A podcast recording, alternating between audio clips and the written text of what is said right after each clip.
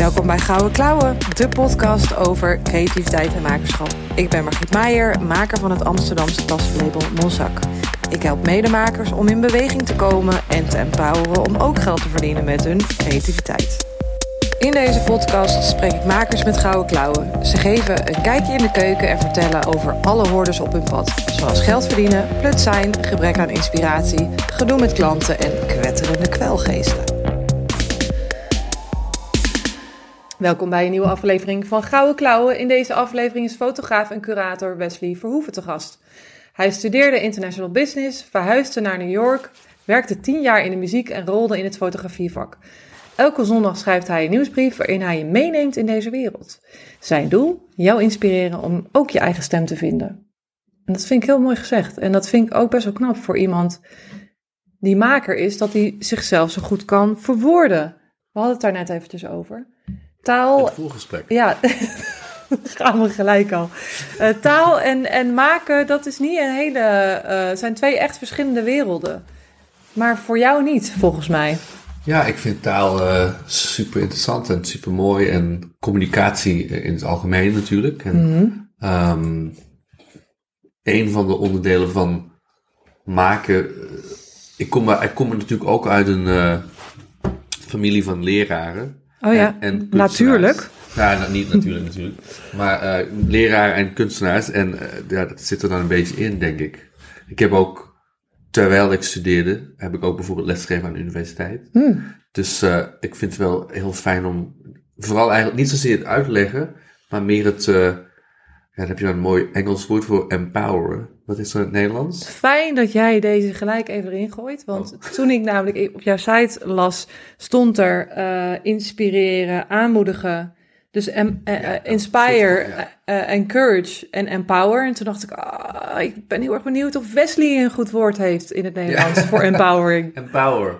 ja, het is een soort van, een soort van aanmoedigen, hè? maar het is meer kracht, kracht geven. Het is ook een soort van vorm van nu gaan we even iets breder, maar een soort van vorm van toestemming geven aan de lezer. Hmm. Want ik, ik heb gemerkt dat uh, dat heel fijn is voor mensen als ze dan. Um, als je dan een jonge fotograaf bent bijvoorbeeld en je, en je leest mijn nieuwsbrief en, en daar leer je dan wat van. Maar het gaat dan vooral eigenlijk om het gevoel van, uh, ja, oh, ik, mag, ik heb ook toestemming om Ja. een boekje te maken. Of Ja. ik mag ook uh, portretten van mijn familie nemen. Of soms op de een of andere manier hebben heel veel mensen, en ik zal het zelf ook gehad hebben, maar een soort van gevoel van, oh, maar ik ben geen echte Ja. fotograaf of whatever je ding is. Uh, dus uh, dat, kan ik, dat kan ik niet doen. Of dat mag ik, eigenlijk is meer dat mag ik niet Ja. doen. En uh, dus mijn nieuwsbrief gaat eigenlijk, het zijn eigenlijk drie stukjes. Eentje van, nou, hier is een ding wat ik gedaan heb. Iets wat ik gemaakt heb, een boek of een project of een bepaalde shoot. En hier kun je zien hoe ik dat gedaan heb. En dat is eigenlijk het stille geheime, het derde deel is van, en jij kan dat ook. Als je, als je dat probeert dan. Hè? En uh, dus dat is dan zeg maar het empower gedeelte. Ja. ja. Ja, en, en dat empoweren, dat, dat komt dus voort uit het doorgeven, wat jij ook vanuit huis hebt geleerd. Ja, ik denk het wel. En wat, wat vind je leuk aan doorgeven? Uh, nou, het, ik vind het heel fijn om dan te zien en te horen dat mensen dan inderdaad iets doen wat ze niet dachten dat ze konden doen of misschien mochten doen. Ja, En dat is dan heel, het geeft veel voldoening als je dan, uh, ik krijg dan wel eens boekjes of zo thuisgestuurd van, uh, dat, dat staat dan in van, uh, of een briefje zit erbij of staat er soms zelfs in van, uh, nou, dankjewel voor de inspiratie, want ik dacht niet dat ik ook een boekje kan maken of wat, wat het ook mag zijn en uh, nu heb ik het wel gedaan. ja, Nou, dat is natuurlijk hartstikke mooi. zeker. Ja. Het, eh, ik, ik hoor heel vaak de, de zin, eh, wie ben ik om dat te doen? Of wie ben ik om die ruimte in te nemen? Ja. En dat vind ik zoiets ja, bijna verdrietigs om te lezen. Ja, ik heb daar een tegenstelling voor. Ik zeg dan, en mag ik, uh, mag ik vloeken in het Engels? Hoe de fuck? dat is het woord inderdaad. Nee, why the fuck not me? oh ja. Ja. Want um, er is een mooi verhaal wat ik dan graag vertel. Ik, ik, uh, binnen, de, binnen het kader van de nieuwsbrief doe ik ook mentorship uh, sessions Ja. met, uh, met fotografen. En soms komt dit dan wel eens naar voren. En dat is dan een verhaal wat ik leuk vind om te vertellen. Over de muzikant Wyclef, die ken je vast wel. Mhm, mhm. die heeft een mooi verhaal over toen hij jong was. Ik denk dat hij misschien een jaar of 17 was of zo. Toen was hij in East Orange, New Jersey, waar hij woont, waar hij vandaan komt. En eh, zijn favoriete rapper was op dat moment Rakim. Mhm. Eh, en die, hij had dan gehoord dat Rakim een uh, music, music video aan het opnemen was in Long Island, waar Rakim weer vandaan komt. Dat is ongeveer anderhalf uur te vandaan. En uh, toen zei hij tegen zijn bandgenoten van, pak de instrumenten in, we gaan er naartoe, we, gaan, we, doen, we doen wel wat, we komen er wel tussen. En uh, die zeiden zoiets van, ja, die gaan ons er niet binnenlaten, die kennen ons nog niet. Nou, ze hebben het wel gedaan, ze komen daar aan. Heel veel mensen, het was een soort van videoshoot met een uh, soort van feest, dat dan onderdeel van een video was. Ja. En, um, en toen ze daar aankwamen, toen, ja, de, de, de regisseur was er nog niet, die was verlaat en volgens mij was Rakim er ook nog niet. En toen kwamen ze daar aan met hun instrumenten bij zich, een zo'n grote upright bass, een drumstel en dat soort dingen. En de security zei, die zei meteen van, oh, uh, ja, de band, ja, die, ik geloof dat jullie daar moeten zijn. Dus die zijn toen naar binnen gelopen. Ze hebben opgezet, uh, instrument opgezet. En uh, toen moesten ze al gaan schieten terwijl Rakim er nog niet was. Want ze, ze ja, verliezen, ze, ze, uh, ze hadden geen uh, hele dag meer van qua licht dan. En uh, uiteindelijk zitten ze gewoon enorm in de video. dus als je nu de, um, de videoclip van Rakim bekijkt, uh, misschien kun je die in de podcast notes zetten. Ja, een linkje. goeie. Um, dan zie je dus de openingsscène van die, van die videoclip is gewoon Wyclef op een, op een upright bass die helemaal niet speelt, overigens. En uh, ja, ze zaten dus wel in de video. Nou, why the fuck not me? Ja, Hè? ja, ja, Waarom ja. zou ik dat niet mogen doen? Ja, Dat betekent niet dat je overal goed in kan zijn, maar het betekent wel dat je in principe toestemming hebt om te doen wat je wilt doen, ja, zeker. En, creatief gezien. ja. Ja, en dat je dus, dus nou, ik, denk, ik denk dus dat die toestemming ehm komt van, of die zoek je eigenlijk in je ouders nog steeds. Sure, ja. En, en, uh, en dat je dat eigenlijk projecteert op je klanten, of je potentiële klanten. Dat is een beetje mijn uh, uh, psychologie van de koude Ja. grond. maar ik denk dat we altijd op zoek zijn naar, die, naar gezien worden. En, en, ja, en, zeker. en de, de, mag, mag ik deze ruimte nu innemen? Nou, hij heeft lekker zijn ruimte ingenomen en het Ja. staat op beeld. Het staat op beeld voor altijd. Wat cool. Ja.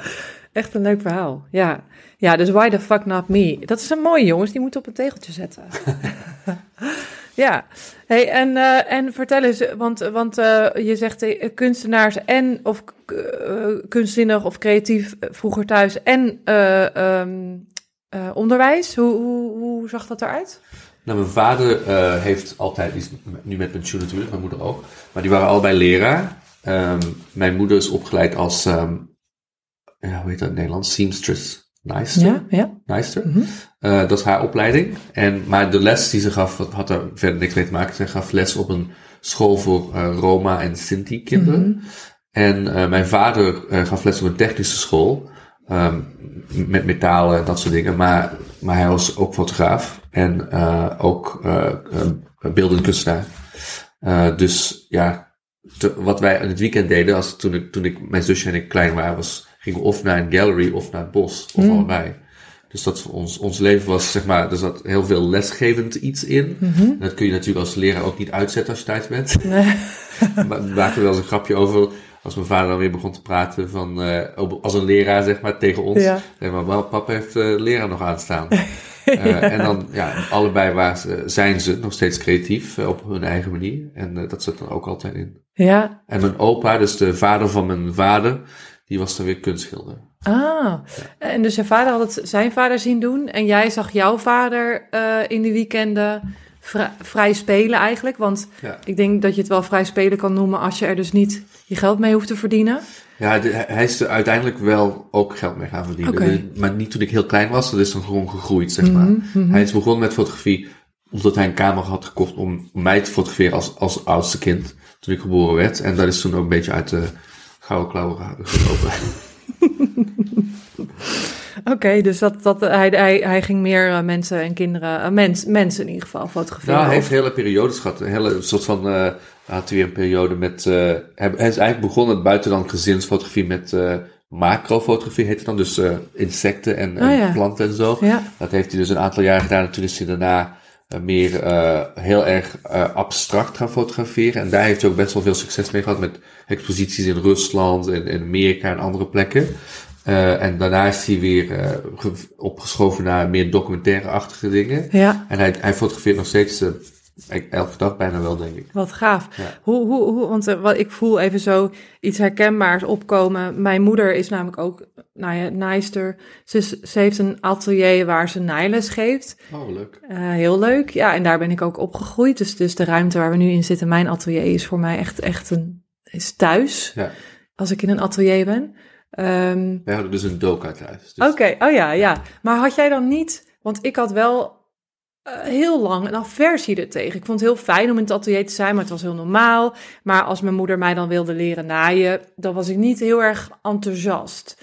Pas tot heel veel later. Mijn zus bijvoorbeeld heeft Engels gestudeerd, kreeg een naaimachine voor haar afstuderen. Die dacht echt, wat de fuck is dit? Ik wil me geen naaimachine, ik wil een weet ik veel wat, maar geen naaimachine. En die heeft ook een naaischool inmiddels. Oh, wat Dus grappig. ja, dus, is- dus. Maar ik had wel heel lang. Wilde ik daar niks van, niks van weten. Hoe was dat voor jou? Als kind vond ik het altijd hartstikke leuk. Dus ik ging als, als kleine jongen mee met mijn vader. Want hij zat dan in een fotoclub. En, ehm, of soms alleen met ons tweetjes. Dat we dan ergens naartoe gingen of om te gaan fotograferen in de natuur. Of dat soort dingen. Eh, en ehm, op een gegeven moment als tiener ben ik... eh, ik had niet per se een aversie tegen, maar mijn interesse ging ineens eh, linksaf naar de muziek. Dus daar ben ik toen heel erg veel tijd in gaan steken. En ik heb dus uiteindelijk ook daar een carrière uit gemaakt. En eigenlijk ben ik pas weer teruggekeerd naar de fotografie toen ik een beetje moe werd van de muziek. En wel- Ongeluk eigenlijk, niet, was niet gepland. nee. En wat maakte dat je moe was van de muziek? Nou, ik had het, ik had het toen ongeveer eh, 8, 9, 10 jaar gedaan, muziekdingen. En eh, dat was ook net het moment dat de streaming een beetje opkwam. Dus de economische realiteit veranderde behoorlijk van de muziek. En muziekdingen, kun je dan ons even meenemen? Wat betekent dat? Wat, Ja, ben, eronder? toen, ik, en toen ik naar New York verhuisde, ben ik oorspronkelijk eh, daar naartoe gaan om stage te lopen bij, eh, bij een, een platenlabel. Het heet Verve Records, dat is een jazzlabel onder Universal Records. Mhm. Eh, daar heb ik dus best wel lang stage gelopen, echt maanden. En toen ben ik doorgestroomd naar Columbia Records, dat is een andere plaatmaatschappij. En ehm ergens daartussenin heb ik eh, een eigen klein bedrijfje opgestart met een vriend eh, in, in New York. En daarmee hebben we een, een concertreeks opgezet. En vanuit daar is eigenlijk, zijn allerlei dingen gaan vloeien. Dus zijn artiesten gaan managen. Eh, ik ben toen nummers gaan schrijven voor, voor mijn eigen bandje dat ik daar had opgericht, maar ook voor andere mensen. En toen ben ik heel veel platen gaan produceren voor andere mensen. En toen had ik mijn eigen label opgericht. En nou, dat is al een beetje uit de hand gelopen. Ja. En ehm op dat moment waar we nu aan zitten in het verhaal, toen ik een beetje burn-out was, toen, ja, ons, ons succes ging steeds meer omhoog. En we hadden ook artiesten die gewoon op tv waren en in Europa kwamen optreden, dat soort dingen. Maar het werd steeds eh, meer stress en minder leuk. Eh, en hoe succesvoller we werden, hoe ja, minder leuk het eigenlijk werd op een bepaalde manier. En dan wordt ook nog wel eens, eh, als klein, klein platenlabeltje, worden er ook vaak nog wel eens artiesten bij je weggepikt. Zo de grote jongens. Ja. Daar kun je verder ook niks aan doen. En je kun je ook verder niks, niet echt van wat van zeggen, want ja, die, die artiesten die Kiezen zelf. Ja, die kiezen Ja. zelf. Eh, maar al dat soort factoren bij elkaar, die, die maakt het wel dat ik, eh, dat ik een beetje, dat ik zoiets had van, nou, ik weet niet of dit de lange termijn toekomst voor mij is. Nee. Eh, en ik wil even wat tijd eh vrij nemen. En ook omdat het landschap veranderde. Ook, dat had er ook mee te maken. Terwijl jullie, jullie groeiden, maar en dat landschap veranderde. En, en uh, dus het werd eigenlijk heel anders dan dat je oorspronkelijk begon. Ja, maar ik denk dat het andere gedeelte een stuk zwaarder gewogen heeft. Waar, waar ik het net over had. Dus het, ja. Ja. het landschap veranderde en Ja. dat is ook een onderdeel ervan geweest. Maar het ging meer om het plezier dat een beetje weg hebt. Ja, ja.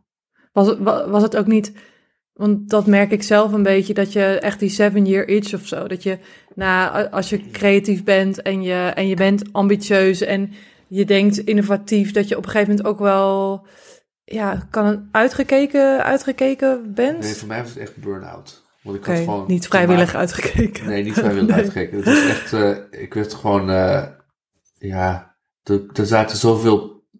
Kijk, als je met artiesten werkt, vooral muzikanten, is ook een bepaald slag mensen natuurlijk. Mhm. En eh, daar was ik ook een beetje moe aan. Want het zijn hartstikke leuke mensen, maar het is niet per se het, de meest stabiele groep. Laat zo zeggen. Sommigen wel, overigens, maar niet allemaal. En eh, dan, moet je, dan zit er ook heel veel psychologie bij. Hè? En ja, heel ja. veel, eh, vooral als manager van een artiest, dan heb je dus gewoon te maken met, eh hey, denk je dat ik een laptop kan kopen deze maand? Of, hé, hey, onze tourvan eh, staat met een platte band in Detroit. Oh. Ja, ik lig in bed in Brooklyn, daar kan ik jou niet meer helpen. Maar dat soort dingen, Ja, ja, daar word je ook een beetje moe van. Ja. Dus ik werd daar een beetje moe van. Ja. Ik heb ook vrienden die dat toen al deden en nog steeds eh, deze baan hebben. En die vinden het hartstikke geweldig, maar ik had er niet zoveel mee. Je bent bijna een PA dan. Ja, Toch? of een soort van eh, onderbetaalde babysitter. dus eh, dat, dat, Ja. dat onderdeel, dat woog wat zwaarder als Ja, dat snap ik. Ja. En, en, ja, het, en het, het was ook gewoon wel veranderend. De- maar het was, het was geen itch van, oh, ik wil wat anders. Het was Nee. eerder iets van, oh, er zijn zoveel mensen waar, van, van wiens creativiteit ik afhankelijk ben als persoon die dit runt. Mhm. Eh, ook al was ik ook creatief bezig met het maken van platen, maar als je met zoveel mensen te maken hebt waar je afhankelijk van bent, Mhm. dan voor mij werd, had ik dan eh, na een bepaalde tijd het gevoel van, ehm, oh, ik zou wel fijn vinden om niet afhankelijk te zijn van heel veel andere mensen. Dus Ja. iets willen doen waar ik dan op mijn eigen creativiteit en eh, drive kan leunen, in plaats van ook een heleboel andere mensen bij moet betrekken. Ja. En, en zo eh, vond je dat uiteindelijk in je, in je fotografie? Ja, maar dat is dus niet bewust Nee. gekozen of zo. Dat is gewoon zo gebeurd. Ja, maar misschien is het wel een soort pad wat je bent gaan, wat je ingeslagen bent door dat, door, de, door die burn-out misschien wel. Ja, zeker. Want ik heb toen dus, eh, ik heb toen dus eh, het de eh, platenlabel, eh, dat heette Family Records, dat bestaat nog steeds. Dat heb ik toen veranderd van een actief platenlabel naar wat, wat heet een catalogus label. Dus dan heb je dus een heleboel platen die je hebt al, die hebt al uitgebracht in het verleden en die, die blijf je nog steeds managen, maar je maakt geen nieuwe platen meer. Waar natuurlijk het meeste geld in opgaat. Eh, en ehm, toen heb ik eh, toen heb ik ons kantoortje ook opgeheven en de, an- de mensen gewoon andere geholpen om andere baan te vinden. En eh, toen werkte ik dus zelf gewoon wel nog eraan, maar vanuit eh, gewoon een koffieshopje. Of cafeetje moet ik in het Nederlands zeggen. Eh, en, eh, en eh, toen dacht ik van ja, ik heb dus al eh, acht, negen jaar lang bijna niks van dit land gezien. Alleen maar in New York zat ik, omdat ik zo erg bezig was met, eh, met mijn werk. En eh, heel veel vrienden op dat moment waren ook een vertrek uit New York. Dus dat, dat- elke, ja, ook ongeveer zeven jaar, elke zeven jaar gaan, gaan we weer een hele lichting weg. Ja, Creatieve mensen die dan of heel veel succes hebben en daardoor weggaan, of het is een beetje niet zo helemaal goed gelopen en dan gaan ze daarom weg. Of whatever, er kunnen ook andere redenen zijn natuurlijk. Maar die gingen dan naar die andere steden, wat kleinere steden, een, een Nashville en een Detroit, dat soort dingen. Dus de steden waar je van niet, waar je niet van zegt van, oh, dat is het eh, creatieve centrum van Amerika. maar qua muziek wel, toch niet? Nou ja, Nashville wel qua country music, maar dat, dat is het ook wel. Ja, Ehm, maar dat is, dus, dat is ook veranderd overigens. Maar dit is, nu hebben we dus over 2013, Ja. 14. En dus ik had dus zoiets van, ja weet je wat, ik kan hier wel in Brooklyn in een koffieshopje zitten werken, maar ik kan natuurlijk ook gewoon naar New Orleans Ja. of naar Detroit. Al die plekken waar, ik, waar vrienden naartoe verhuizen zijn, waar ik dus nog nooit geweest ben. En ik ben wel benieuwd, waarom, waarom gaan die daar naartoe? Wat is daar dan, wat is daar dan aan de hand, Ja. zeg maar? En ik was dan geïnteresseerd ook in het verhaal van eh, de, de creative community in die andere steden en, en de redenen waarop, waarom dat de mensen dan daar kozen eh, om te wonen en niet in New York of LA. En ehm, toen, ben ik, toen heb ik gewoon twaalf steden uitgekozen. En eh, ja, daar na- naar elke stad toe geweest. En dan heb ik dan één of twee weken ben ik dan, dan verbleven. Gewoon uit een cafeetje gewerkt en aan mijn muziekdingetjes. Maar ook een camera meegenomen. En eh, ik dacht van, nou dan ga ik wat vrienden fotograferen die dan nu daar wonen. En dan ben ik gewoon nieuwsgierig naar waarom. ja, En sommige mensen zijn terug verhuisd naar waar ze vandaan kwamen. Sommige mensen gewoon naar een andere stad. En eh, ik was gewoon be- be- eh, benieuwd naar die creatieve communities. En dat is een beetje uit de hand gelopen, die nieuwsgierigheid. Dus ik ben daar, heb ik daar een project van gemaakt. Dus ik, want de eerste twee steden waren geloof ik Seattle en Portland. En daar had ik eh, ja, maar vier of vijf mensen gefotografeerd per stad. En de derde stad was Charleston, South Carolina. En op de eerste dag ben ik daar een hele leuke eh, barista tegengekomen, Derek heet die.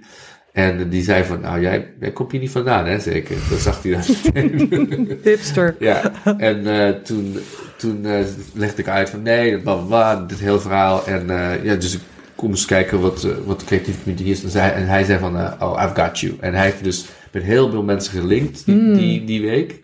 En toen heb ik daar ongeveer 50 mensen gefotografeerd en geïnterviewd in een week. Holy en eh, toen had ik zoiets van, oh, dit is het gevoel wat ik, wat ik wil hebben. Dit is het, nu, nu voel ik me echt alive. Die, die connecties en het nieuwsgierige t- kunnen achterhalen en al die verhalen kunnen horen. En eh, allemaal hele leuke, lieve mensen die allemaal andere soort dingen deden. Want het was dan ook nog belangrijk voor mij dat het ja, divers was. Dus oude, oude mensen, niet alleen de jonge, sexy creators, Ja. maar ook eh, ja, van allerlei achtergronden, allerlei disciplines ook. Eh, en ehm, ja, toen ging het vuurtje wel aan bij mij. En toen heb ik, toen dacht van ja, ik kan niet drie of vier mensen in Seattle hebben en vijftig in Charleston. Dus ben ik daar terug naartoe gegaan. Toen heb ik dus dat, ja, ongeveer 50 mensen stad in die twaalf steden gedaan. En dat eh, is dan een project geworden, dat heet One of Many. En eh, dat zijn ongeveer 600 creatives die ik dan Ah. gefotografeerd en geïnterviewd heb. En Ja. daar was dan het doel ook van, dat ik andere mensen die het dan kunnen lezen, eh stimuleren om ook te denken van, oh, misschien kan ik ook wel een klein bedrijfje naast mijn baan of Ja. helemaal als mijn ding doen. Want het was ook net een paar jaar na de grote ehm, ja, financiële crisis in Crash. 2008. Heel veel mensen zijn toen hun baan verloren. Heel veel mensen waren ge- gedesillusioneerd. Dat is een woord, hè? Ja. Ja. Eh, eh, door het, het idee van, eh, ja, als ik, als ik maar hard werk voor een groot bedrijf, dan komt het wel goed. Ja, Ja. Dat bleek dus ook niet zo te zijn. Ja, Dus dat is net een mooi moment waar dan mensen kunnen kiezen van, oh, wat wil ik eigenlijk? misschien kan ik ook wel iets voor mezelf hebben. Ja. En, en dus ik wilde die verhalen laten zien, zodat mensen ook konden zien van, oh, er zitten ook wat mensen u- tussen die eruit zien zoals ik eruit Ja, zie. ja, En eh, misschien kan ik dat ook wel. Ja, ook weer een soort toestemming in de vorm van, eh, van dat project. Ja. Mhm. ja, wat mooi. Nou ja, en het is denk ik ook, ook de, de maatschappij die ons vertelt dat, dat je als je werk doet met je hoofd, dat je dan, eh, dat je dan iets veiligs doet of zo. Of dat, het dan, eh, dat je dan gegarandeerd bent van, eh, van geld. Ja, maar dat is niet zo, hè? Eh, nou ja, ja, eh, eh, er zit ook wel een waarheid in- maar het is niet de enige manier Nee. waarin je gegarandeerd bent van, van geld. En ik denk dat makers zich daarom ook zo, zo'n vreemde eend in de bijt voelen en dus toestemming nodig hebben, omdat ze anders zijn dan dat voorgeschreven is tussen haakjes. Ja. Ehm, en, en, en daardoor nog meer die duw nodig hebben. En inderdaad inspiratie eh, eh, van zie je wel, het kan wel. ja. En dat project leidde dus tot eh, een, een per ongeluk carrière als fotograaf. Want toen, toen eh, op een gegeven moment zagen, zagen de juiste mensen je werk en, en werd je ingehuurd. Ja, ja daarvoor nog, voordat het project überhaupt live ging, eh, heb ik per ongeluk een sponsor gekregen. En dat was dan Squarespace. Mhm. Dat ik, ik was toevallig daar op kantoor, omdat ik daar iemand kende. Ik was aan het lunchen, maar die kende mij als muziekjongen. En zei van, nou, waar ben je mee bezig? Want het was gewoon catch-up eh, een meeting, zeg maar. En eh, oh ja, dat- nou, ik ben nu hiermee bezig. Ik ben eventjes wat anders aan het doen. En eh, nou ja, dat is natuurlijk past perfect bij een bedrijf als Squarespace. Ja, en ja. toen zeiden oh, misschien kan ik dit wel bij onze marketing department neerleggen om te kijken of we daar mee kunnen helpen. En dat vonden ze hartstikke leuk. Dus die, hebben, die zijn toen sponsor geworden van het project. En ook daarna heb ik ook met andere sponsors gepitcht zelf. Mailchimp, WeTransfer hier in Nederland. Ja, oh. Eh, en eh Lyft, dat is uh, Autolife, dat hebben we hier niet. Maar, ehm, en eh, ja, daardoor kon ik het ook afmaken, zeg maar, Ja. financieel gezien. ja, En toen, ja, een, ja, laat zeggen, ik denk dat wel, ik denk dat het wel zeker een jaar geduurd heeft voordat ik dan die mailtjes kreeg van, oh, kun je dit, dit zijn leuk voor, want dat project is daarna ook een beetje viral gegaan binnen de creatieve wereld. Mhm. En eh, dus dan krijg je inderdaad wel mailtjes van, oh, dat vind ik heel leuk, kun je ook dit soort foto's misschien maken voor ons bedrijf, van onze klanten of van Ja, onze medewerkers, precies. dat Ja. soort dingen. ja, En eh, zo is het balletje gaan rollen. ja. Ja. Heel tof. Eh, eh, merkte je dan dat je de wind mee had? Dat je alsof je een soort. ehm, eh, soms dan kom je in zo'n stroming en dan hoef je niet zoveel te doen en dan trekt de stroming je gewoon in de juiste richting. Ja, je moet wel veel doen, want het zijn wel 600 portretten. Ja, nee, maar, je moet you have to put the work in, in it. Maar, maar meer van dat, dat de juiste mensen op je pad komen. Nou, ik denk dat ik geluk had met ehm, de timing, want eh, dat is ook een moment, ongeveer het moment geweest dat eh, marketingcampagnes en eh advertentiemensen zoiets hadden van, oh, misschien moeten we deze keer niet modellen in de, in Ja. de marketing zetten, maar echte mensen. Ja, Ja, dat waren dan juist precies de mensen die ik aan het fotograferen was. Ja. En doordat ik al die mensen ontmoette, had ik natuurlijk ook een enorme eh, eh, database van interessante, lieve, in- mooie mensen die, ik- waar ik al mee gewerkt had. Dus Hmm. Ja. die, kon, die kon ik dan ook weer binnenhalen voor een project bijvoorbeeld. Dus eh, dat was, ja, de timing was goed. Ja, ja, cool. Hey, en, en ik hoorde jou net iets zeggen over eh, dat, je, dat je mensen wil inspireren, eh, of toen wilde inspireren, misschien nog steeds, om, om, om naast hun werk of fulltime eh, zoiets te doen. En in jouw nieuwsbrief las ik ook ergens ehm, eh, over, iets over, over fulltime maken of het ernaast doen. Soms heb ik het gevoel dat eh, sommige mensen durven nooit om er, om, er, eh, om er iets serieuzer naar te kijken. Maar ik heb soms ook het gevoel dat makers te snel er fulltime van willen leven. En daardoor inderdaad die creativiteit een beetje killen. Eh, hoe zie jij dat? Ja, ik, ik heb altijd een, een mooi stukje advies voor het hoofd gehouden van Elliot Irwin, een fotograaf. Eh, die is op het moment al in de negentig. Eh, maar hij zei dan eh, altijd van, je, kunt het, je kunt het beste zo lang mogelijk proberen geen geld te verdienen aan fotografie. Want dan hou, dan hou je plezier erin, Ja. zeg maar. Ja, En dat is ook wel zo. Zeker met fotografie, omdat het op, de, op dit moment niet per se de meest lucratieve business is. Dat, ja, er zijn heel veel andere opties tegenwoordig. Maar ehm, ik denk wel dat het heel slim is om, dat, om, om in de gaten te houden van waarom doe ik dit? Oh ja, omdat het mij blij maakt. ja, En eh, de- je hoeft daar niet per se ook geld bij te betrekken nee, denk ik. Heb ik dus wel gedaan. Maar dat is ook niet eh, voor iedereen weggelegd, denk ik. nee. Op, op het gebied van... eh, ik was natuurlijk wel- al gewend voor mezelf te werken. ja, En, eh, en ik was al gewend aan het onstabiele van voor jezelf werken. En Mhm. het, het dealen met het feit dat nou, deze maand eh, komt er eh, zoveel binnen. En de tweede maand komt er helemaal niks binnen. ja, En dat, eh, dat is ook niet per se prettig voor de meeste mensen. nee, Ook niet voor mij overigens. nee, nee. Ik La, wou zeggen, laat die meeste mensen maar weg. Ja. Nee hoor, nee. Maar jij, jij bent eraan gewend. Ja. Ja, ja.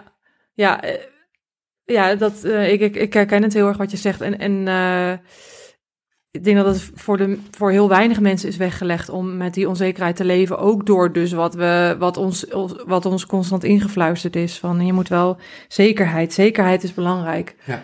En dat zijn je ouders die dat dan zeggen, maar dat gaat dan meer over hun dan over jou. Ja, mijn toch- ouders zijn wel heel supportive geweest met al dit ding. Want mijn vader vindt het juist hartstikke mooi dat ik aan het doen ben wat hij erbij gedaan heeft, maar dan Ja. fulltime, zeg maar. Ja, Eh, want hij heeft ook een hele mooie, mooie carrière gehad, buiten als, als leraar, maar ook als fotograaf. ja, Eh, en nog steeds. Dus hij vindt het juist hartstikke mooi dat ik het, die sprong wel gemaakt heb. ja, Eh, al is hij ook enorm op de hoogte van hoe dat wel eens moeilijk kan zijn soms. Mhm, mhm. Bijvoorbeeld na COVID is het eh, allemaal een beetje in elkaar geklapt. Ja. Voor iedereen eh, binnen de fotografie, niet alleen voor mij. Dus dan moet je dat weer helemaal opbouwen. En Ja. bovendien ben ik ook nog naar een ander land verhuisd. Nederland. Terug naar... Eh, en eh, dat is ook niet makkelijk. Nee, Dus nee. eh het is echt wel een flinke dip sinds corona, Ja. financieel gezien. Ja, En nu ben ik dat weer aan het opbouwen. ja, precies. Ik, ik merkte, ik was eh, in januari een maand naar Tenerife eh, om eh, gewoon naar de, in de zon te zitten in de, in de winter.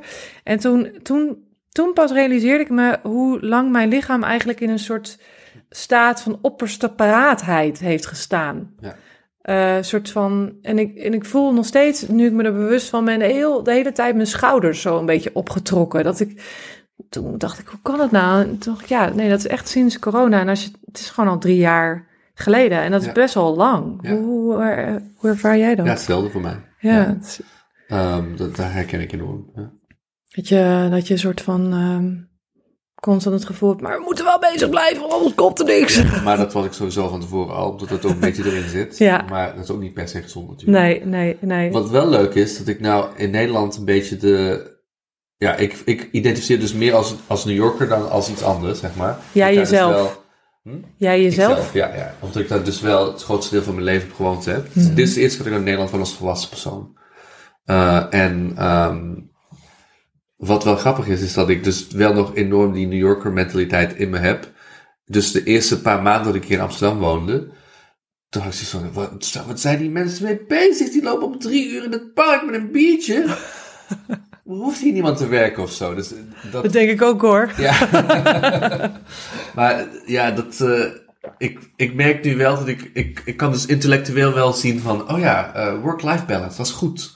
Maar zelf zit ik nog steeds een beetje in de work-work balance. Ja, Uh, dus ik probeer er nu wel ehm, beter in te worden. Dus wat meer recharge time ook te nemen Mhm. voor mezelf. Maar ja, als, jij weet het net zo goed. Als je voor jezelf werkt, is het nooit af. nee. Hè? Als je voor een baan werkt, als, het, als het een goede baan eh, is, eh, dan hoop ik dat je het gewoon uit kan zetten om vijf uur of wanneer je Ja. weggaat. En dat is natuurlijk ook heel fijn. Ja. Bij mij gaat die nooit uit. Nee, maar is dat, niet, is dat ook niet de aard van het beestje? Eh, dus dat het, dat het ook. dat je, heb je altijd, heb je, ben je al jong, jong gaan werken? Nee, Oké. nee, niet echt. Werk is niet iets. Buiten dan een krantje rond. Ja, nou, bedoel, dat Ja. bedoel ik, ja. Dus dat je al jong. Ik, ik heb echt zo'n werk. eh, ik, ik weet ook wat erachter zit. Er zit ook echt wel wat achter. Wat, wat achter het harde, harde werken. Ik, ik hoop daarin gezien te worden. Ja, ja. ja Ehm, dat, dat zal bij mij ook wel zo zijn, ja. En, en, en dus het, is- het is helemaal overal en doorgecijpeld. Dus in alles werk ik heel hard. Ja. Dus niet alleen in mijn werk, maar ook in nou, vriendschappen niet per se. Maar als ik iets doe, dan doe ik het ook goed. Ja, weet ja, je dat? Nou, dat, dat is bij mij ook wel weer zo. Ehm, ik, heb maar, ik heb een aan- en een uitstand, zeg maar. niet, eh, is- er zijn niet veel dingen die ik doe zomaar. Nee, precies, precies. Koken, dan wordt het ook meteen echt lekker. Ja, ja, precies. Geen halfwerk. Geen, Geen lafwerk. Nee. nee, Eh, maar eh, en, en, en er is ook nog een groot nadeel. En dat is dat je, dat, dat je iets doet waar je heel erg blij van wordt. En dan vind ik het in ieder geval heel moeilijk om daarmee te stoppen. Hoe kun je nou stoppen met iets waar je blij van wordt? Nou ja, dat klopt. Ja, maar dus, ja, bij jou natuurlijk ook. Maar bij mij zitten ook wel dingen in waar ik niet per se blij van word. Bijvoorbeeld, ik vind het hartstikke fijn. Ik word heel blij van fotograferen en het, en het praten met mensen terwijl ik dat doe. En connecten met mensen. En ik vind editen ook nog wel leuk. Maar ik vind het niet per se leuk om bijvoorbeeld invoices te versturen. Of eh, al die administratieve dingen. Dat is voor mij best wel moeilijk. En, ehm, maar ja, dat moet ook gebeuren. Ja, ja. maar goed, dat, dat klopt. Het, het, het, het, eh, het merendeel is leuk. Er zitten ook minder leuke dingen aan. Dat, maar dat, dat neem ik dan op de koop toe, omdat ik weet dat dat eh, ehm, ervoor zorgt dat ik al die andere leuke dingen kan Ja. doen. Ja. Eh, en, en in een gewone baan heb, ja, heb je zoveel meer dingen die niet leuk zijn, denk ik dan. Maar, maar ik snap wat je bedoelt. Maar toch vind ik het wel moeilijk om... ehm, Ja, jij kunt natuurlijk ook in het midden van de nacht nog een tas maken. Ja, ik kan in het midden van de dag geen foto maken, dus dat is ook wel handig. Ja, dat is handig inderdaad. Ja, ja, gelukkig doe ik dat niet meer sinds mijn atelier niet meer in huis is. Oh, dat is wel fijn. Dat ja. helpt ook heel erg. Eh, maar, eh, ehm, nee, maar het is, het is ook heel erg in mijn hoofd. Ik ben juist de, eh, mijn creativiteit speelt zich ook voor een heel groot deel af in mijn hoofd. Dat klinkt misschien een beetje raar, maar meer van dat ik ook strategisch Ja. het heel leuk vind om creatief te zijn. En Ik ook.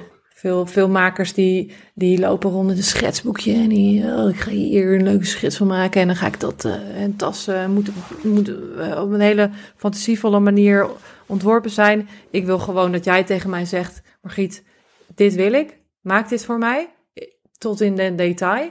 En dan maak ik dat gewoon voor jou. En daarin hoef ik, heb ik dus niet de creativiteit speciaal Hmm. nodig.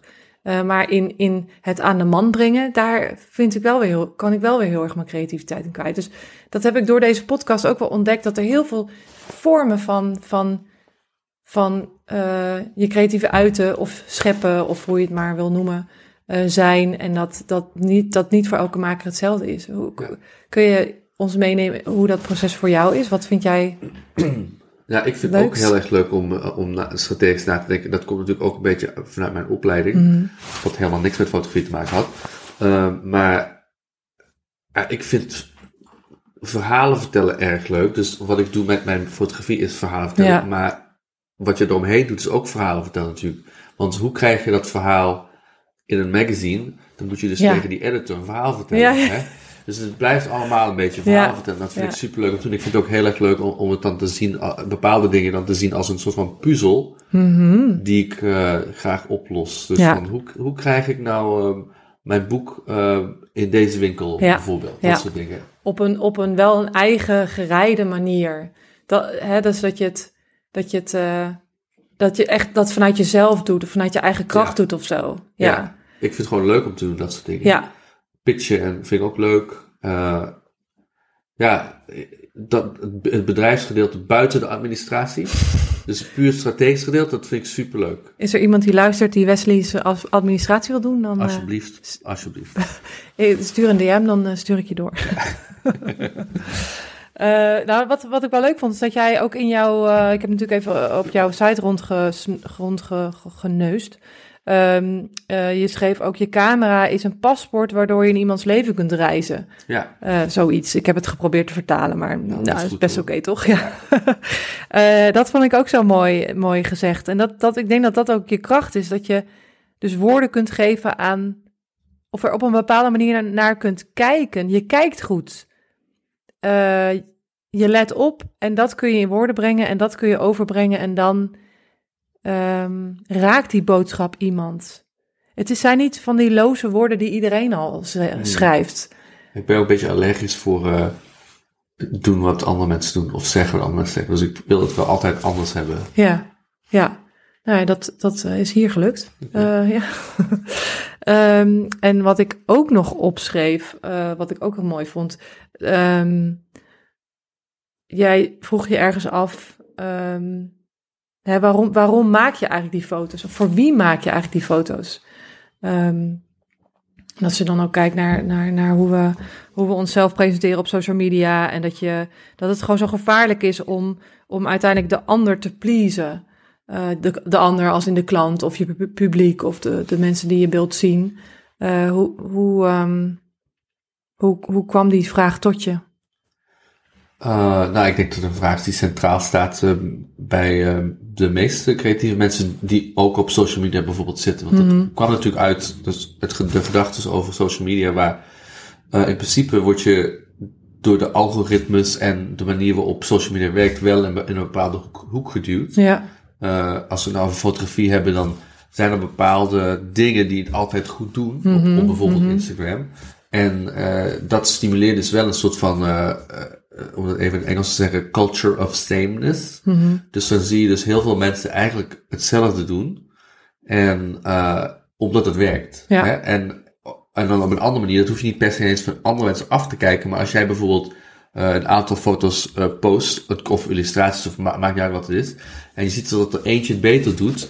Dan, dan word jij natuurlijk meteen gestimuleerd door de slimme mensen bij, bij Facebook om meer daarvan te doen. Ja. Want dan krijg je die, uh, die serotonin boost van, mm. van de hartjes. Ja. Hè? Ja. En uh, dan ga je niet iets posten waar, waar je dan uh, niet zoveel likes op krijgt. Als je er niet over nadenkt.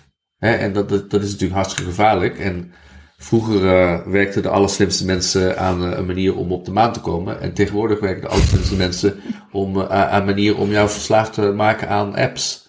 En dat, dat is natuurlijk niet een, dat is geen eerlijke strijd. Nee. Daar kunnen wij niet tegen op we kunnen, we kunnen wel wat doen door, door bewust daarmee om te gaan. En juist daartegen in te gaan met je, en gewoon te posten wat je zelf leuk vindt. Ja. En dan ook te denken van, ja, waar doe ik dit eigenlijk voor? Doe ik dit voor de hartjes op social media? Of uh, doe ik dit omdat dit voor mij iets uh, vervelend is? Of, of, of bijvoorbeeld zoiets simpels als een, een horizontale foto doet het nooit zo goed op Instagram. Want het telefoonscherm is afgesteld op verticale foto's. Ja, dus dan op een gegeven moment merk je dan, oh, ik heb al twee jaar geen horizontale foto meer gepost. Waarom? Omdat ik bezig ben met het blij maken van het algoritme van Instagram. Ja, dat kun je wel, dat kun je wel doen, maar dat, dat wordt toch nooit goed. Nee. En daar word je ook niet happy van. Nee. En dan ga je vastzitten in een bepaalde hoek. Want dan maak je alleen nog maar dezelfde soort dingen. En uh, ja, dat is natuurlijk niet de creativiteit waar je, waar je mee bezig wil zijn. Nee. Ja, en ik denk dat dat ook. Um, uh, zou, of zou het ook te maken kunnen hebben met. Uh, ik denk juist als je er niet afhankelijk van bent. Dus als je het gewoon doet omdat je het leuk vindt en, en er hè, geen geld mee gemoeid gaat. Um, dat het dan dus niet zoveel uitmaakt. Nou ja, trouwens, ik Nee, denk het ook denk wel. En ik denk dat het zelfs meer uitmaakt nog. Want, Ja, want dan sta je helemaal niet in je kracht. Want dan doe je het alleen maar voor de likes. Dan fotografeer je of wat je dan ook maakt. voor- Post je dingen. Je ziet ook tieners die dan. Die hebben helemaal niks met creativiteit te maken in dit moment. Mhm. Die posten bepaalde foto's van zichzelf. Omdat dat soort foto's ja hun het lekker doen. dat leuk vinden. Ja. Hè?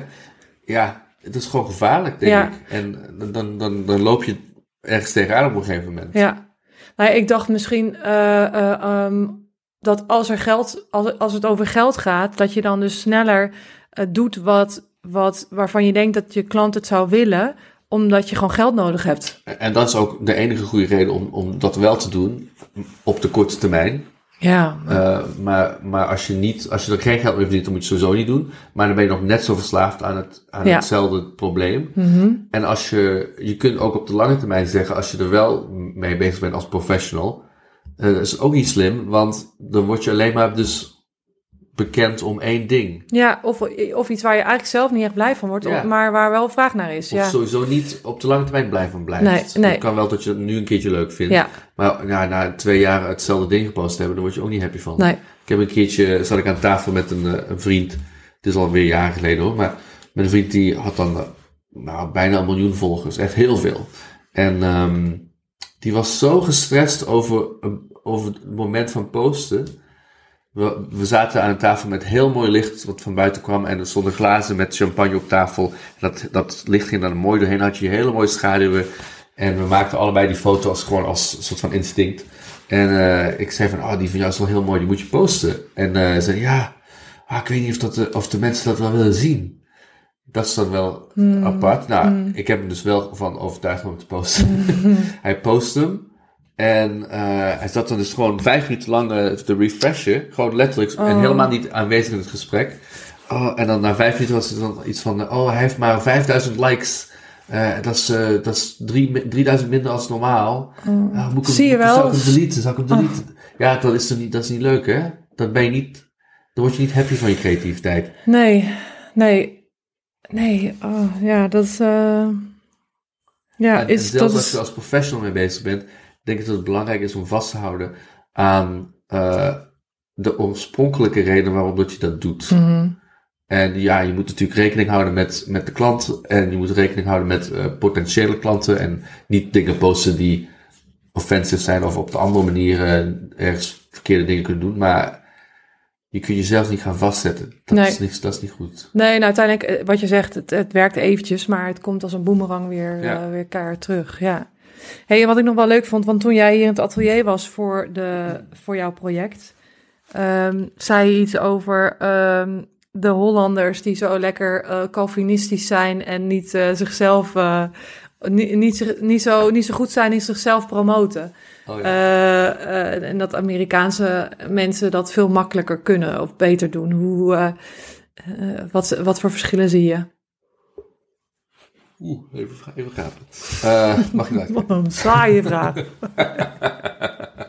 Ehm, nee, het is natuurlijk wel een cultuur waar je, eh, waar je waar niet. Nou, we het omdraaien. In Nederland heb je natuurlijk uiteraard de doe maar normaal, doe je al gek Ja, eh, cultuur. Eh, or- or- of in het Engels het tall puppy syndrome. Hoe? Tall puppy, dus de puppy is een, is een, eh, een, een bloem, een Ja, klaproos. ja. En eh, dus het, het, het visueel is dan eh, een, veld met klaproos en eentje steekt er bovenuit. Oh, tall puppy. Ja, oké, ja. ja, En ehm, nou, dat heb je dus hier heel erg. Overigens ook in andere landen, maar ook sowieso hier. En dat heb je daar niet echt, eh, in mijn ervaring. Eh, en eh, wat je daar juist hebt is, als jij mensen... Wat zo leuk is aan New York, en ook andere plekken in de Verenigde Staten, is als jij een, gewoon een vreemde tegenkomt en je begint een gesprekje, en ze vragen daar wat je doet, of, of het komt, komt een, keertje naar voren, dan... eh, als jij dan bijvoorbeeld zegt van, oh, ik, ik maak leren tassen. En daar ben ik net mee begonnen. En ehm, kijk eens een foto of whatever. Dan zegt die persoon meteen, oh wat cool zeg. Weet je wat jij moet doen? Je moet even praten met een vriendin van mij, want die, eh, die, werkt bij Kate Spade of what- whatever. Hè? Dus dat is meteen helpend. Ja, En eh, nu zeg ik niet dat Nederlanders niet willen helpen, want Nederlanders zijn ook leuke mensen natuurlijk. Maar die reactie zul je niet vaak krijgen. nee, nee. Dan is het eerder van, eh, oh, oké, leuk. Ja, oh, ja. Waarom geen normale baan dan? Ja, precies. Nee, ja, nee, nee, nee, nee, natuurlijk, maar ik snap hem. Ja, maar, ja. Niet en, eh, encouraging, niet aanmoedigend in ieder geval. Niet op dezelfde manier, Nee. eh, eh, denk ik, in mijn ervaring. Maar ik denk ook ehm, dat, dat je onder andere daardoor niet per se enorm gaat bezig zijn met over jezelf praten. Mhm. En op een bepaalde manier is het ook wel fijn om niet de hele tijd mensen over, over, over zichzelf laten praten. Maar het is wel leuk dat je dan... Ik vind het hartstikke leuk als je mensen tegenkomt die dan meteen een idee voor je hebben of wat het ook mag zijn. Ja, Dat is Ja. gewoon, eh dan, dan word je ook niet verlegen van. Eh, Hm. Want dan, dan denk je van, oh, oh dat, dat kwam goed aan toen ik dat vertelde waar ik mee bezig was. Ja. Dus krijg je ook misschien een beetje meer moed in de schoenen. Zeker, zeker. Ja, maar ik denk dat het gewoon de stem is van die, eh, van die, de stem van die angst. Van, eh, oeh, weet je wel zeker dat je dat gaat doen? Want eh, weet jij veel of je dat echt gaat verkopen en eh, of je dat, eh, of dat gaat slagen? Dat gaat meer denk ik over de ander dan over, Ja. over jou. Maar het is niet helpend. Nee, nee. Nee, maar fi- finding your own voice, die hoor ik, eh, die ehm, zie ik veel voor, voorbij komen op je, op je site. Wat, wat, eh, wat, zou jou wat zou je makers aanraden om, eh, om, om, om een stem te leren vinden? Ehm, nou, dat is natuurlijk een enorm groot onderwerp, maar ik denk, ik merk dat heel veel mensen die ik tegenkom, die beginnend zijn, of, eh, of al niet per se beginnend, maar eh, niet nog dat gevoel hebben van ik heb mijn stem gevonden, dat die daar heel erg mee kunnen zitten. Mhm. Oh, ik maak foto's, maar ja, ik ben niet echt een fotograaf, bijvoorbeeld in mijn ja, vak dan. Ja, Eh, want ja, ik ben geen Anton Corbijn, wiens werk je meteen herkent bijvoorbeeld. Mhm. Hè? Dat is een Nederlands fotograaf. Ehm, eh, en mensen hebben heel erg de behoefte om, als ze, als er serieus mee bezig zijn, om dan ook hun eigen stem te kunnen vinden, waardoor je het werk herkenbaar kunt maken. Mhm. En ook eh, daardoor juist jezelf het meeste in je werk kan stoppen. Hè? Mhm. Dus want als jij, eh, als jij werk maakt waar, waar je alles van jezelf in stopt, dan, eh, dan wordt het natuurlijk vanzelf. ander- ja, iedereen heeft een ander oog. Hè? ja, ja, En je kunt wel dingen nadoen. En dat is ook een hele goede manier om bijvoorbeeld te leren. Hè? Dingen na te apen. Dat is een eh, vaste manier van leren. Maar op een gegeven moment wil je wel naar een stem toe. ja, En dan moet je wel weten van, eh, ja, wa- wat trekt mij eigenlijk aan? Dus ik, ik hou heel erg van mensen fotograferen. En ik hou heel erg van bepa- op een bepaalde manier mensen fotograferen. En grappig genoeg was ik laatst bij mijn ouders thuis. En toen eh, ging ik eh, naar de zolder waar eh, wat spullen voor mij nog staan met grote mappen met tekeningen en zo die ik gemaakt had vroeger. Als, als tiener.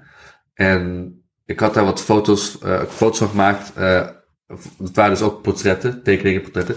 Die ik dan op Instagram op mijn story had gezet voor de leuk. En toen een, een, een, hele goede vriend van mij, Dan Rubin, dat is ook de, de designer van mijn boek. En ik werk heel veel met hem samen. En hij zei meteen van, nou, dit is precies hetzelfde. Als wat Ah, je, ja? Dit is een bepaalde manier van met omgaan met Ja. licht. En eh, ik, ik, ik ga veel met schaduwen om, ook met portretten.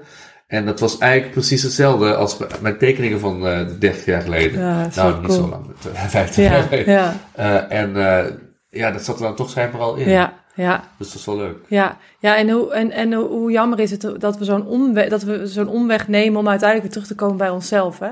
Ja, Die- dat, dat is normaal, hè? Ja, ja, maar zo, zo wat, een, wat een waste of time eigenlijk. eh. Ach ja, we hebben allemaal ons pad. Ons pad. ja, Nee. zeker. Een soort U-turn. eh. Ja. Maar, ehm, maar dat, is, dat is denk ik ook dat je steeds meer op jezelf leert te vertrouwen.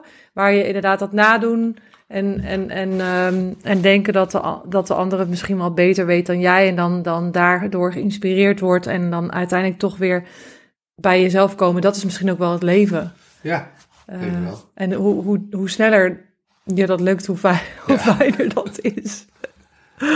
ja, ja eh, eh, we, zijn er al, we zijn er al doorheen. Oh. Het gaat echt enorm snel. Heb jij nog, nog, nog, een, nog een, aan het einde vraag ik altijd om een dikke tip voor onze medemakers. Kun je er nog eentje oplepelen? Ehm, een dikke tip. Ja. Even denken hoor. Oh ja, ik heb er wel een. Ehm, mijn favoriete tip eh, is eigenlijk een doorgeeftip. Mhm. Eh, die is mij gegeven eh, door ehm, een, een hele mooie oudere mevrouw. eh, die heet Corrine Simpson. Dat is een fotografe, of die was vroeger altijd fotografe. Maar die is nu vooral eigenlijk eh, een persoon die eh, juwelen maakt. Maar ze is, is ook alweer in de mid 70 geloof ik nu. Ehm, en eh, die had een heel mooi verhaal eh, dat mij enorm inspireerde en nog steeds. En dat heb ik e- eigenlijk al zelf per ongeluk ook al gedaan. Maar toen ze het zei, denk ik van, oh ja, dat is inderdaad, dat linkt heel goed. Dus die- zij, eh, ze is een zwarte vrouw. En eh, ja, in de 70, dus toen zij jong was, eh, in laten we zeggen mid 20 of zo. Ja, de zwarte vrouwen kregen natuurlijk geen fotoopdrachten. Dat te- in de Verenigde Staten in die tijd. hè. Dat was het helemaal anders Ja. toen. En ehm, zij merkte dus dat, ja, dat, dat ze komen niet naar je toe. Dus zij, zij wilde met haar vak als fotograaf bezig zijn, maar dat moest dan op een andere manier. Eh, want zij kon niet per se binnenlopen bij een krant en dan werd ze meteen ingehuurd. Dat was gewoon anders toen. Dus zij ging gewoon naar de dingen toe waar ze in geïnteresseerd was. En, uh, en maakte ze foto's. En uh, dat, dat, dat noemt zij dus een self-assignment. Dus in plaats van dat je een assignment krijgt van een publicatie, krijg je een assignment van jezelf. En dan, dan kun je dus ook precies uitzoeken en uitkiezen wat je wil. Mhm. Dus dan, want als een klant zegt van wil je dit doen, dan is het niet per se altijd jouw Nee. favoriete soort fotografie. Maar als je een self-assignment doet, dan kan dat, hè? Dan Ja. Ja. En dus zij heeft een heel mooi verhaal dat ze, uh, ze ging naar, dit was, uh, ik weet niet precies, in de jaren 60 denk ik. Um, toen had Muhammad Ali een uh, gevecht in Madison Square Garden, denk ik. Ja. En nou, ze, zij was een single mom, dus ze had niet, geen geld om naartoe te gaan. Maar in die tijd was een grote bok, bokswedstrijd heel anders dan nu. Toen was het, ging, ging iedereen in een heel mooi pak en mooie bontjassen en dat soort Mm. dingen allemaal naar zo'n gevecht toe. Dat was echt een happening. En uh, ja, zij kon het niet betalen, maar ze wilde het wel graag fotograferen. Dus ze dacht van, weet je wat ik doe? Ik ga buiten het stadion staan en ik ga foto's maken van de mooie mensen die langskomen. Oh, ja. Dat vind ik leuk. Ja. Nou, dat heeft ze gedaan. Uh, ze staat daar. Op een gegeven moment gaat de deur open en zegt een, uh, zegt een man die eruit komt van... Hey, uh, wil jij Mohammed Ali ontmoeten misschien? Zegt van, ja, zeker. Dus zij, zij loopt naar binnen en ze gaat naar de kleedkamer waar Mohammed Ali en een aantal andere mensen zijn. Dus hij wordt gemasseerd voor het gevecht dan. En ze hebben een gesprek en uh, hij zegt tegen haar van, ja, kom met mij de ring in. Dus zij heeft dus een hele, die hele mooie ervaring gehad waar ze dus met hem, weet je wel, dat, dat als we dan zo naar de ring toe lopen, mm -hmm. met alle mensen die schreeuwen. Dus Ja. zij liep daarbij met foto's te maken. En daarna is ze nog de hele avond met hem en zijn vrouw uh, ergens naartoe gegaan, naar cafés en dat soort dingen voor de feesten. En ja, die foto's heeft zij kunnen verkopen aan een blad Ja. destijds daarna. En dat was dus een self-assignment. Ja, wat cool. Nou, dat is ook een beetje de manier waarop ik werk. En dat is natuurlijk ook one of many, dat project waar ik het eerder over had, met, met al die steden en die creatieve mensen in de Verenigde Staten, was ook niet door iemand Nee. opgeschreven. Dat was mijn, mijn idee en dat heb ik dus gedaan. Ja. En daarna is dat, heeft dat naar, naar dingen geleid. Ja. En Dat, eh, dus ik zeg altijd, self-assignments, dat is, dat, is het, dat is het grote ding. Als Ja. je gewoon zelf, als jij als fotograaf bijvoorbeeld denkt van, ik ben geïnteresseerd, ik zou heel graag door het Parool of door de New York Times willen ingehuurd worden om een verhaal te maken over die meneer die bij mij op de hoek woont, want die heeft een heel interessant verhaal. Ja, dat, dan hoef je natuurlijk niet te wachten op een Parool. Nee. Je kunt ook gewoon naar die man toe lo- lopen en vragen of je foto's mag maken. Ja. Dan kun je zelfs nog daarna, als je dat wil, die naar het parool sturen. En misschien vinden we dat inderdaad wel erg leuk. Ja. En als het zo, niet zo is, dan heb je nog steeds een leuke ervaring gehad. Ja. Ook dit gaat weer over toestemming, volgens mij. Ja. Jezelf toestemming geven Ja. om, eh, om, om iets te doen waar je heel blij van wordt. Mhm. Ja. Ja. Ja. Cool. Mooie, mooie, mooie dikke tip. Dankjewel. Sowieso dankjewel dat je er was. Ja, veel mijn plezier, zeg al hè. Ja. Graag gedaan. Graag gedaan. Ja, ik moet even zoeken soms zijn woorden op. Ja, ja nee, dat, eh, dat eh, snap ik helemaal. My pleasure zeg ik Ja. eigenlijk, maar dan in het Nederlands. Mijn plezier. Mijn Ja, ja. plezier. Eh, leuk dat je luisterde naar deze podcast. Hopelijk heb je er wat van opgestoken. Vast en zeker. Ik in ieder geval wel. Ehm, geef deze podcast vooral sterren als je hem leuk vond. Dan kunnen we nog meer makers een plezier doen met deze, deze mooie woorden van Wesley. En ehm, tot de volgende.